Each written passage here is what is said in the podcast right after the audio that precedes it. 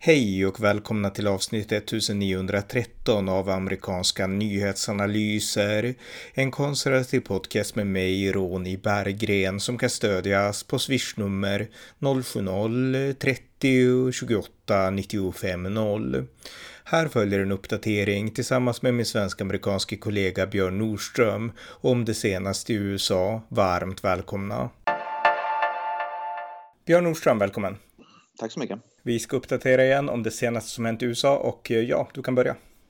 Ja, vi pratar ju ofta om det här att det verkar som att vindarna håller på att vända nu med själva det här att, att med rasismen i USA, att det är inte längre okej okay att svarta är rasister mot vita. Och det var ett gott, bra exempel på det här. Det var en lärare, en kvinnlig svart lärare i delstaten Texas, bara för ett par dagar sedan, som har, la ut på Twitter att hon hatar svarta. Hon är en svart, en, en svart hon är med i svartmaktsrörelsen, la ut att hon vill mörda vita och så vidare. Va?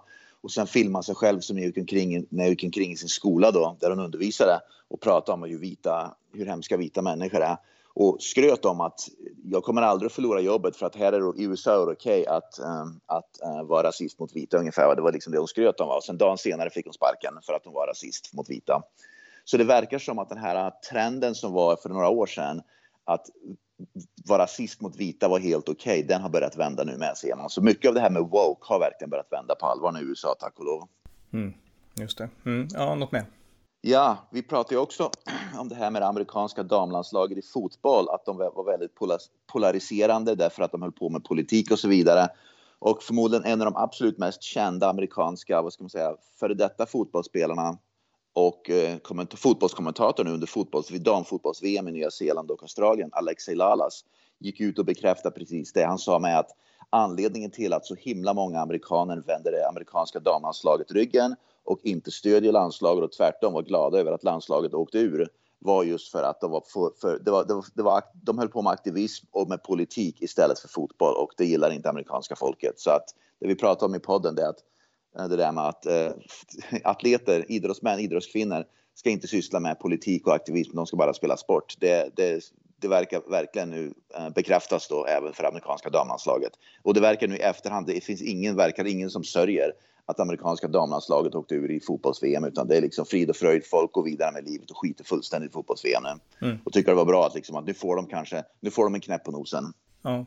Eh, igår, den 8 augusti, så var det en omröstning i delstaten Ohio om en fråga som heter Issue One och det är ett initiativ då som handlade om att göra det svårare att eh, göra tillägg till delstatskonstitutionen och det är republikanerna som vill göra det svårare därför att de vill inte att eh, eh, eventuella demokrater framöver ska liksom skriva in aborträttigheter i konstitutionen. Eh, Ohio har ju under republikansk ledning infört en del restriktioner mot aborter efter högsta domstolens beslut förra året och det är väldigt många väljare som är liksom arga på det och som vill ha att de vill att eh, rätten till abort ska skrivas in i konstitutionen och syftet med det här eh, initiativet i 21 det var att eh, se till att ribban höjs så att det inte är så lätt att ändra konstitutionen. Men i en folkomröstning igår så vart det här helt nedröstat och det innebär att vägen mot att eh, skriva in rätten till abort i Ohios delstatskonstitution, den förblir öppen. Så att ett nederlag för Republikanerna är framgång för de progressiva demokraterna. Och det här är någonting som analytiker menar visar att abortfrågan är fortfarande hett sprängstoff i stora delar av USA.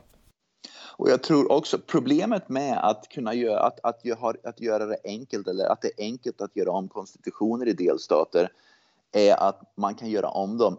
Den federala konstitutionen är väldigt, väldigt, väldigt, väldigt svår att, att, att göra tillägg i. Den är, det är nästan omöjligt. Va? Det krävs konsensus i hela USA bland både delstäter och båda partierna och så vidare och så vidare och bland folket. Va? Men delstatskonstitutionen är betydligt lättare. Den i Arizona till exempel här är ganska lätt att göra om. Problemet med det är att man kan, man kan göra om en delstatskonstitution enbart baserat på trender som om tre år försvinner. Och då blir helt plötsligt konstitutionen ganska meningslös för man konstant gör om den bara för att passa en trend för tillfället, va? vilket egentligen inte en konstitution är till för. Så att det skapar liksom problem, nya problem, att man kommer bara storsatsa på att göra om konstitutionen hela tiden kors och tvärs och till sist vet ingen av vad som egentligen står i konstitutionen och den är meningslös som ett dokument därför att man vet att den kommer att skrivas om och förändras varje år i vilket fall, hur som helst. Mm. Men, men det intressanta är det att båda partier försöker politisera lite grann. Alltså yeah. Republikanerna vill ändra det här bara för att en fråga inte verkar gå åt deras håll, alltså abortfrågan. Och Demokraterna vill ändra det för att få sin fråga, abortfrågan, åt sitt håll. Så att jag menar, ingen verkar helighålla liksom konstitutionen. I det här, i det här fallet delstatskonstitutionen, men övergripande så är det ju den stora liksom nationella konstitutionen. Så att inget parti bryr sig om det riktigt på riktigt, menar jag. Nej, det var precis det jag mm. menar just mm. det att om man gör det, om det är för enkelt att att förändra den och göra tillägg och skriva om den så kommer det till sist så, så har den ingen mening längre. En delstatskonstitution tappar helt meningen. Den spelar ingen roll längre och det förstör liksom delstaten till mångt och mycket tyvärr. Mm, ja. Att det blir, det blir bara politik av konstitutionen med. Ja, ja något mer? Ja, vi pratade ju för eh, några poddar sedan då när eh, eh Högsta domstolen hade tagit beslutet att de skulle sluta med det här eh, avskaffa affirmative action med andra ord. Universitet får inte längre Eh, använda sig av hudfärg för att, som intagningskrav, som del av intagningskraven på universitet. Och det var baserat på två universitet, Harvard och University of North Carolina, som då blev stämda då av framförallt asiater. Men nu har i alla fall University of North Carolina gått ut och sagt att de har som ett direkt resultat, och det var väl det som var förväntat med andra ord, men University of North Carolina har gått ut och sagt nu att de inte längre använder sig av hudfärg i någon form när det gäller intagning för av elever. Så att de har helt ändrat sin intagningsstandard. Hur det kommer att påverka liksom, statistiken för de som kommer in på universitetet, det får vi väl se. Men det ska i alla fall bli intressant att se om det blir någon skillnad. Men de har i alla fall omedelbart i alla fall um, anpassat sig efter HD-beslutet, vilket är bra. Mm, ja, verkligen.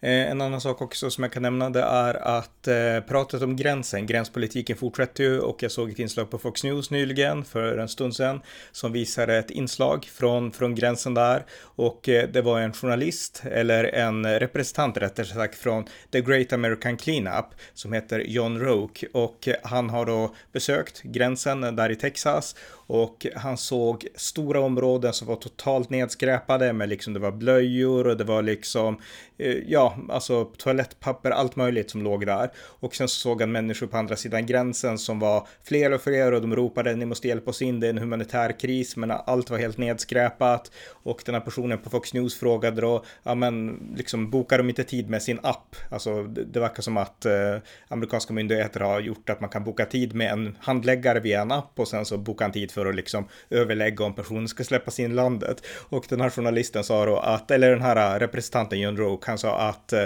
nej, alltså de bryr sig inte om appar utan de, vill bara bli tillräckligt många för att kunna liksom eh, ja, för att kunna storma in över gränsen när den möjligheten ges. Så det var en nyhet.